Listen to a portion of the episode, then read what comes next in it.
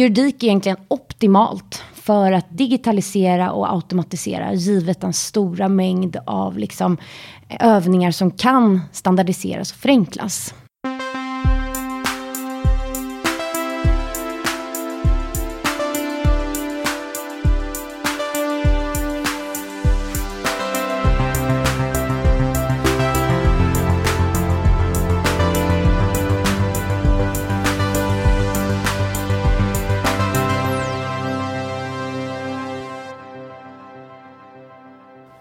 Då var vi igång med Heja Framtiden igen. Ett Christian von Essen. Vi sänder idag från Redgert Koms.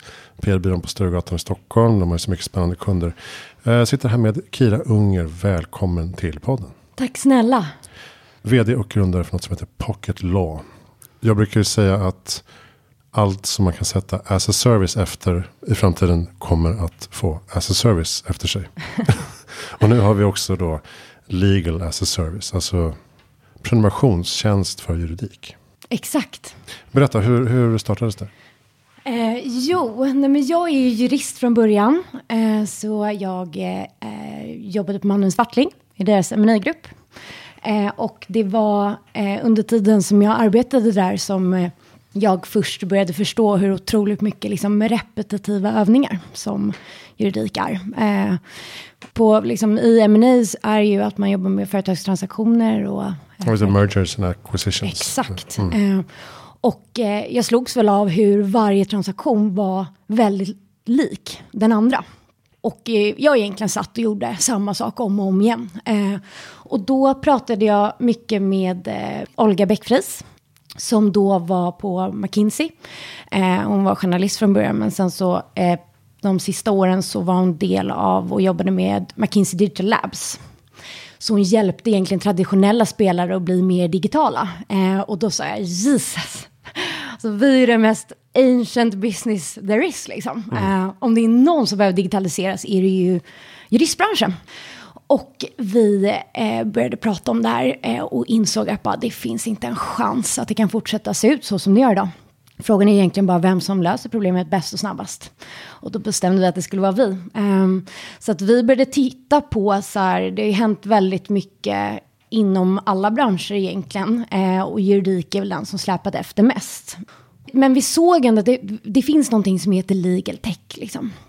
Och så tittade vi på den branschen och så, så, insåg vi att majoriteten av de spelare som finns där tenderar att fokusera på att hjälpa advokatbyråer och juristavdelningar att bli mer digitala. Mm, just det. Och det är ju fantastiskt. Uh, det behövs ju också. Men problemet är att det löser ju inte riktigt problemen för massan av bolagen där ute. Vilket är ju alla små och medelstora bolag. Så de gynnas ju inte riktigt direkt av att advokatbyråer blir Nej, för advokatbyråerna kan fortfarande fakturera en massa manuella timmar så att säga. Ja, exakt. Och jag skulle Fast deras processer blir smidigare. Exakt, och jag skulle också våga påstå att det tar ganska lång tid att förändra beteendet i en sån traditionell bransch. Medan alla små och medelstora bolag där ute, de har egentligen inget alternativ. Mm. Eh, så att det vi bestämde oss för då, det här var 2018, var att eh, vi ska liksom ta bolagens perspektiv, skapa en tjänst som hjälper dem direkt. Och det var så vi bestämde oss för att starta Pocket då. Och vad är liksom den tekniska bakgrunden eller plattformen? Man svarar på frågor och därmed får man förslag på avtalsmallar och sådana saker. Va? Mm. Är det avtalen som är liksom grundfundamentet för att sen bygga vidare? Alltså juridik är ju liksom allt i din verksamhet egentligen. Du kan ju egentligen inte, du kan inte anställa någon utan juridik, du kan inte ha, anlita konsulter, du kan inte ha en hemsida, du kan inte börja sälja dina varor och tjänster. Det är liksom, du kan inte vara en Klarna merchant liksom, utan juridik till exempel. Så det är väldigt, liksom, det är väldigt brett. Men så att för att enkelt förklara vad Pocketlaw gör, det är att vi är liksom en, som en digital bolagsjurist. En digital plattform där företag kan lösa sin vardagsjuridik själva egentligen, utan att behöva kunna någonting om juridik. Så du kan få med Pokelos för digital vägledning för att förstå behov. Precis som du sa, genom att svara på frågor digitalt. Du kan skapa avtal själv i plattformen.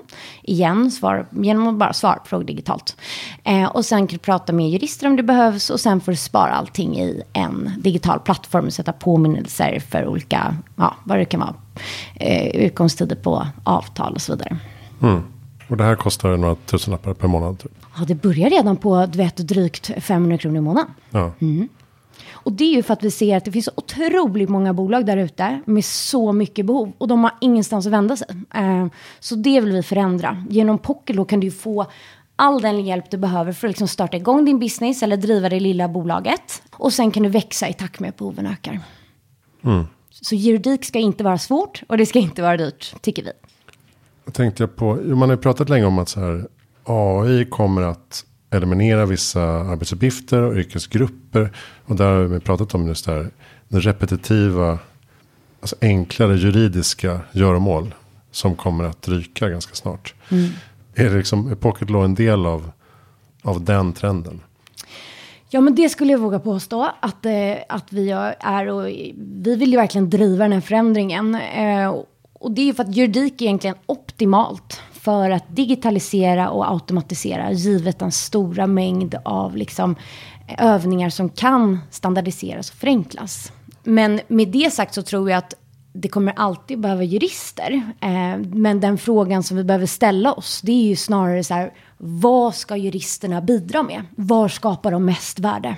Mm. Eh, framförallt i en värld där reglerna blir allt mer komplexa eh, och det blir egentligen snårigare för allt fler bolag. Och då behöver det finnas ett komplement till traditionella tjänster. Och det är där Pocket Law kommer in. Vi tror starkt på att bolag behöver ett effektivt, enkelt och prisvärt sätt att hantera juridiken i vardagen på. Och sen för de lite mer komplicerade frågorna, eh, då kan du vända dig till en jurist. Ni riktar mycket mot startup-världen också. Vad är behoven där? Nej, men många bolag har ju egentligen väldigt liknande behov. Framförallt startups. De har ju en, eh, det de har som gemensamt är att det är en ambition att växa och bli ett liksom, sofistikerat bolag på en kort tid. Och därför så är det ju så här, du har så otroligt mycket saker som du behöver tänka på när du startar igång. Och du har ingen tid och oftast väldigt lite pengar. Ja, så då det. Är kommer man fyra pers så drar man inte in en jurist i bolaget heller.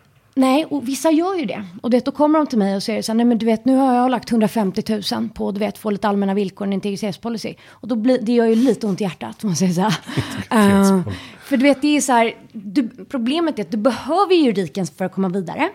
Och om du inte har något alternativ då, då tvingas du ju betala de, eh, de kostnaderna för att, för att komma vidare i din business egentligen. Så det, det Pocketlaw gör för startups är ju egentligen att vi ger dig som eh, min kollega Vicky Koppler brukar kalla IKEA-påsen. Allting som du behöver för att köra igång egentligen. Mm. Och så får du det till ett otroligt liksom, ja, prisvärd kostnad. Liksom. Mm.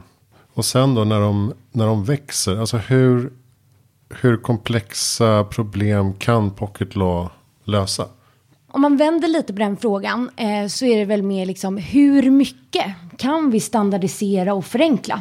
Och jag vågar säga att det, det är otroligt mycket faktiskt. Och särskilt i en värld där allting blir mer komplicerat, det kommer allt fler regler eh, och egentligen behoven och kraven, alltså behoven för bolagen ökar och kraven på entreprenörer och liksom ledare på företag ökar ständigt. Liksom. Och då måste vi bryta ner juridiken, förenkla den så att den kan eh, bli tillgänglig för alla. Annars blir det liksom övermäktigt. Pocket existerar ju egentligen för att eh, hjälpa bolag att lyckas genom att de kan hantera alltså, majoriteten av sin juridik själva. Då har de också mer pengar över för mm. när det verkligen gäller. Och hur många liksom, jurister har ni då? Vi har eh, fem jurister heltidsanställda. Ja. Mm. Så att om man behöver personlig rådgivning så kan man koppla på det.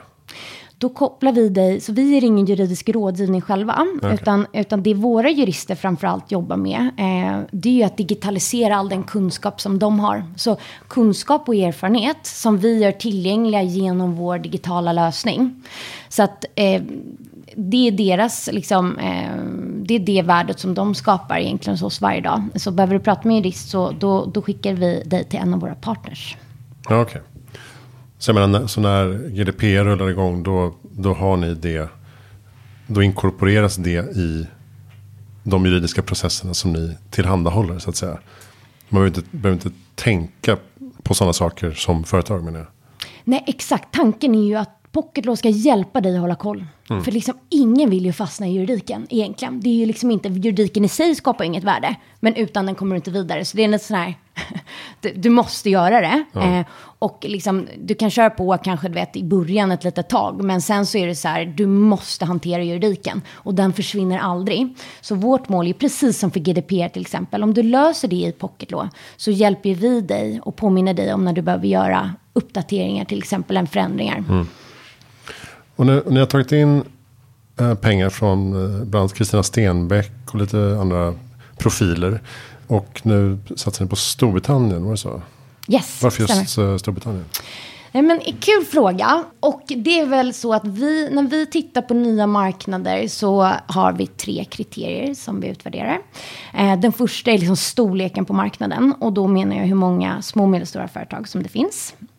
Eh, sen tittar vi på hur redo marknaden är för en digital tjänst. Och då tittar vi lite på hur använder de andra digitala tjänster i den, på mm. den marknaden helt enkelt. Och sen slutligen så är det ju eh, hur eh, liksom komplicerad är den jurisdiktionen, så regulatoriska förutsättningar helt enkelt för att göra det. Och av de tre kriterierna så, så eh, scorade UK egentligen högst. Så vi ser ju UK som vår språngbräda för fortsatt internationell expansion. Ja, just det. Där sitter också de tunga byråerna. Exakt. och blir omsprungna då, tänker ni? Vi vill ju jobba tillsammans med advokatbyråer. Och mm. vi, vi har också många advokatbyråer som faktiskt skickar kunder till oss för de lågkomplexa. Ja, för de vill inte ha de här små Nej, vet, det blir en sån här lose-lose. Ja. Uh, att, att säga ett exempel, hjälpa ett företag med att ta fram ett anställningsavtal. Det kostar en advokatbyrå mer än vad de kan ta betalt för det. Och sen kanske de ändå tar 60 000 kronor för ett anställningsavtal. Fast de samtidigt förlorar pengar på det. Och då blir kunden, det är ju jättemycket pengar för ett anställningsavtal till kunden. Mm. Uh, och byråerna samtidigt förlorar pengar. Så det blir så här, ingen tjänar på det. Så därför är de så här, kan vi, om det finns ett sätt där vi kan skicka sina kunder till oss i de frågorna. Ja, just det. Så att när de väl växer till sig med er så kan de sen få rådgivningen när det blir mer komplexa frågor. Allt hänger ihop med den här visionen om att så här, all din vardagsjuridik, den ska du hantera digitalt. Och då har du mer tid och resurser över för de frågorna det verkligen behövs en jurist. Ska man fortfarande utbilda sig till jurist? Eh, skälet till att jag blev jurist var för att min, min farbrors vän är det. Eh, och det var egentligen det som det, jag baserade på. Det är ganska vanligt, vanligt skäl tror jag. Så jag, jag, jag tror att allmänt kring liksom utbildning, jag tycker att det ska behövas, behövas mer information i samhället om vad faktiskt innebär att ha den yrkesrollen. Jag kan väl säga, så att, eh, jag är nog fel person att fråga, eh, men för alla saker så, så mm, liksom, det kommer ju fortfarande finnas det här yrket. Jag menar, allting som du gör egentligen har ju någon koppling till juridik, liksom, även om du inte tänker på det. Mm. Så det du behöver fråga dig när du, om du ska studera till jurist är ju snarare så här, vad vill jag göra med den kunskapen som jag får? För att det är en gedigen utbildning, det, det är helt klart. Mm. Men eh, är det en AI-motor kopplad till tjänsten eller är det något som ni tänker senare? Ja, vi har en eh, AI-motor kopplad. Sen är det ju så här med AI, det, det krävs ju otroligt mycket data. Eh, så att vi utvärderar fortfarande hur vi kan använda den på ett sätt som hjälper våra kunder att skapa värde. Så att ja, vi använder AI och liksom, eh, olika lösningar inom det. Och det jag tror som som vår ambition är för att verkligen använda det på ett sätt där, det, där, det just, där vi kan hjälpa företagen. Och det är att svara på den frågan som så många ställer sig och som jag får varje liksom, gång som jag pratar med en entreprenör. Det är bara så här, vad är vanligt? Vad borde jag göra? Vad mm. gör andra som jag? Hur kan jag liksom, eh, se till att jag håller en marknadsstandard? Eh, till exempel, hur många, eh, hur många kvalificerade eller hur många teckningsoptioner ska jag ge till min nya nickelanställda? Alltså, det är ju jättesvårt att veta och då krävs det att du behöver fråga en jurist eller så får du fråga andra entreprenörer vad de givit. Men om du kan få den informationen digitalt baserad på en stor mängd data, då vet du att det ligger rätt. Um, så det, en slags benchmark. Exakt, mm, och där är ett mm. exempel mm. såklart. Men, men, men där tror vi att så här, där brottas många väldigt mycket med det.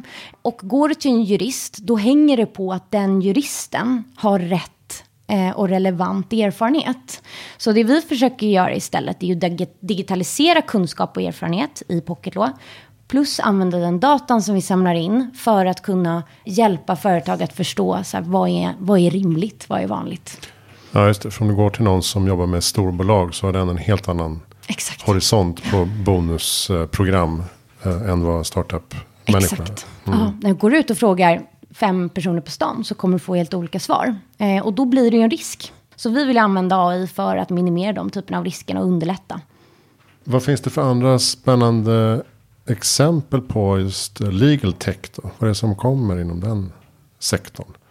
Det kommer ju definitivt komma och det, det finns ju flera bolag som är liksom up and coming på det området. Men det som Olga och jag såg när vi först satte igång och som vi fortfarande ser i samt idag när vi har våra analyser av, av liksom konkurrenter är ju att majoriteten fokuserar på att hjälpa advokatbyråer. Mm. Eh, de legal tech-bolag som fokuserar på eh, små och medelstora bolag som vi gör tenderar att göra väldigt smala lösningar. Så till exempel e-signering eller captable eller liksom system eller mallar online eller kontraktshanteringssystem. Så där ser jag fortfarande att jag tror att det kommer hända otroligt mycket. Frågan är bara vilka bolag som det hjälper. Ja, men det är väl lite som med edtech, alltså utbildningsteknologi. Alltså att det finns ganska många som jobbar bakom kulisserna som man mm. inte heller ser så mm. mycket. Nej, som gör eh, närvarorapportering eller schemaläggning eller administrativa grejer. Mm. Men det man kan säga inom legal tech faktiskt, vilket är en av våra största utmaningar, det finns otroligt mycket low hanging fruits. Mm. Uh, så det kräver ju att vi är superfokuserade i all vår produktutveckling. Och vi försöker väl verkligen att så här, hela tiden vara väldigt drivna av liksom kunder och marknaden och se vad är det liksom som, vad är de största problemen som du sitter med som företagare. Mm. Och så underlättar vi det. Men att det kommer hända mycket inom legal tech, det är, det är tvärsäkert. Så det blir spännande att se. Och expansionsplaner framöver, du pratar om Storbritannien. Blir det en så här viktig testmarknad att se om det här flyger på ett internationellt plan? Och sen kan man ta det vidare då? För att det, som du säger, det är ju snårigt att ge sig in på en ny marknad. Det är helt nya regelverk och lagböcker och liksom strukturer att förhålla sig till. Mm. Ja, absolut. Och, men det vi har sett av den, liksom, vi har ju smygstartat här nu i UK och eh, har ju egentligen redan kunder eh, där. Eh, så jag måste säga att min magkänsla, givet de dialoger jag har, är otroligt liksom, positiv. Mm. Och eh, som du säger, det är väl, jag tror att så här, med digitala lösningar som har, har någon typ av koppling till regler egentligen, eh, så det kan ju vara samma inom bokföring till exempel, så tror vi att det är viktigt att man ger sig ut på en ny marknad snabbt, så att man inte liksom anpassar produkten för mycket för den lokala marknaden. Eh, utan vi ska ju bygga en global tjänst. Och vårt mål är ju liksom att Pocketlaw ska ju användas av bolag liksom över hela världen för sin juridik. Men sen är det som du säger att vi behöver se vilken då marknad som är mest lämplig att gå därefter. Eh, och UK är absolut det som vi ser som vår språngbräda eh, för att kunna utvärdera härnäst. Men, men det finns otroligt mycket spännande alternativ och så lite som har gjorts än. Eh, så att just nu så, så är vårt mål att egentligen bara behålla det försprång som vi lyckats bygga upp. Och sen är det väl inte otänkbart att ni eh, får eh, erbjudanden om det är uppköpta av någon stor byrå? Ja, men det, så kan det nog hända. Men eh, där får vi se lite. Vi, vi har en, en ganska tydligt, tydliga mål. Eh, så att vi får se om det är jacka med det helt enkelt. Målet är inte att bli uppköpt eh, just nu. Nej. Ingen så här snabb exit. Nej, alltså Nej. det är ju, och det, det är för att eh, jag tror, alltså verkligen i mitt hjärta och eh, jag känner det i magen också när jag pratar med kunder och jag ser det i våra siffror liksom det här är framtidslösning för juridik. Eh, så att, eh, och eh, som du säger, det, det, och som är sant i alla företag, det kommer vara en tuff resa. Liksom, och det är det ju ständigt inom när man driver bolag. Liksom. Eh, men så att vi kommer, vi kommer att vi kommer driva det här länge till. Mm. Um, mm. Häftigt. Jag brukar fråga, vad är bästa tips för att göra världen bättre i framtiden? Fin fråga. Och jag tror så här, det har liksom varit tuffa tider för många nu jag tror att man behöver fundera lite på liksom, vad vill jag göra i mitt liv och vem vill jag vara? Och sen så för att det inte ska bli så övermäktigt eh, så kan man bara bryta ner det i liksom lite enkla konkreta mål eh, för att nå det. Och då tror jag att du kan göra så mycket mer än vad du tror om du ser på liksom, ja, det blir väldigt mycket tydligare då tror jag, vad man kan åstadkomma eh, i vardagen. Och sen självklart att man ska äta vegetariskt. Eh, Ja. Och fisk är också kött. så att alla vet det. Okej. Fisk är kött. Just det, så man eh, reflekterar och hittar någon slags inre kompass och liksom ja, men tar ett steg tillbaka helt enkelt ibland. Jag tror det. Jag tror så här, min pappa sa alltid till mig när jag var liten, Akira du kan göra vad du vill. Eh, om du bara försöker. Och då tror jag att så många kan göra så himla mycket för att förändra den här världen. Men man måste bara ta sig lite tid och reflektera då. Vad är det jag vill göra? Ehm, och sen göra konkreta mål av det. Mm, precis. Och kan det jag gör samspela med att göra världen bättre så är det win-win så att säga. Men om man tänker jag ska rädda världen nu, då blir det lite svårt. Liksom. Eh, så det är lite som, eh, då behöver vi bara bryta ner det och tänka vad kan jag göra idag? Det finns ju en fantastisk sajt för det som jag tjatat om tidigare på podden som heter 80000hours.org. Det så här, om man ska välja karriär eller studier. Vilka områden tycker man är roligt? Vad är man bra på? Var finns de största problemen i världen? Och så kan man liksom hitta, navigera efter det. Och det är inte så att alla ska jobba non-profit, tvärtom. Utan man ska också liksom hitta en skälig livsstil. Ehm, så att där finns det väldigt mycket att, ehm, att kika på faktiskt. Det är ju effektiv altruism som, som driver den. Ehm, har du några bra lästips eller poddtips? Ja, eh, Outliers av Malcolm Gladwell. Eh, det är en fantastisk bok. Låsningar och lösningar av Kjell Enhager. Ja, det, det har jag inte koll på. Ett Låsningar Must read. Ja, tycker jag är fantastisk. Ehm, och poddtips, såklart din podd. Eh, och sen också lyssnar jag på Saster av Jason Lemkin. Och även SAS-podden av Johan Krona. Och där tycker jag särskilt att man ska lyssna på avsnittet med Malcolm Burenstam Linder och Petter Hedborg. Fantastiska entreprenörer. Ehm, Och SAS, alltså software as a service. Yes, eh, yes. Ja, Som ni alla håller på med så att säga. Exakt. Mjukvarulösningar som prenumerationstjänster. Exakt, ja. SAS-podden, just det, den har jag faktiskt inte, koll, inte lyssnat på. Jag har sett den flimra förbi. Mm. Och vad sa du, den andra, Saster, Ja, Saster. som också är S-A-A-S. Ja. Coolt, ska vi kolla. Eh, vem tycker att jag ska intervjua? Ja, jag tycker att du ska intervjua Hedvig Gustafsson, vd och grundare av Hostini. Ehm, och skälet till det är att eh, ja, sällan träffat någon med sån grit. Eh, så man skulle gärna vilja veta vad som försiggår i den hjärnan. Och sen eh, Kina Lundqvist som är, eh, jobbar med People and Performance på Hedvig. Otroligt inspirerande person. Eh, man, eh, hon lyser verkligen. Så det, det, henne vill man... Eh, henne tror jag skulle tycka var kul att träffa också. det låter bra. Eh, apropå då software as a service. Eh, hemförsäkring i en app. Exakt. Jag, kör, jag använder Hedvig faktiskt. Tycker den är väldigt eh, smidig och billig. Kanon. Så jag har inte fått, behövt använda den. Men alltså, man måste ju ha en hemförsäkring. Ja, exakt. Nej, men man vill ju hoppas att man aldrig behöver använda dem. Nej. Men Eh, vad gör Hostini då? Hostini är egentligen eh, ett, en, ett företag som hjälper, som är liksom en förlängning av Airbnb egentligen. Så hjälper det med dina Airbnb-uthyrningar. Jaha, som en tilläggstjänst. Eh, tjänst, så att säga. Smart. Jättestort i typ USA. Ehm, och eh, har gått liksom otroligt bra här. Så det är ja, eh, väldigt spännande och liksom framtiden för hospitality. Ja, men där gillar jag att man, man liksom jackar in på ett ekosystem som redan byggs upp.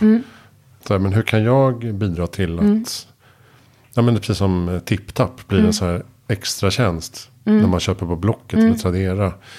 Eh, och så kan det bli ett spännande företag i sig. Det låter lite samma, samma här. Att här, tjänsten finns men det behövs någonting extra för att addera. Ja, Värde. exakt. Eh, Det ska bli spännande att se faktiskt nu framåt hur många sådana...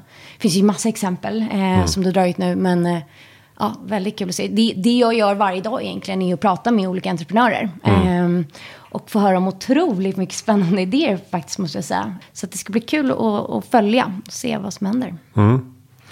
Framtiden är eh, spännande. Tack snälla Kira Unger för att du kom till Heja Framtiden. Lycka Tack. till med eh, Pocketlaw. Tack snälla. Tack. Pocketlaw.com. Där kan du eh, läsa mer om eh, företagstjänster och eh, signa upp för en prenumeration. Testa gratis i början och se eh, vad som behövs. Hejaframtiden.se hittar alla avsnitt och eh, alla mina projekt. Christian von Essen. Tack för att du lyssnar.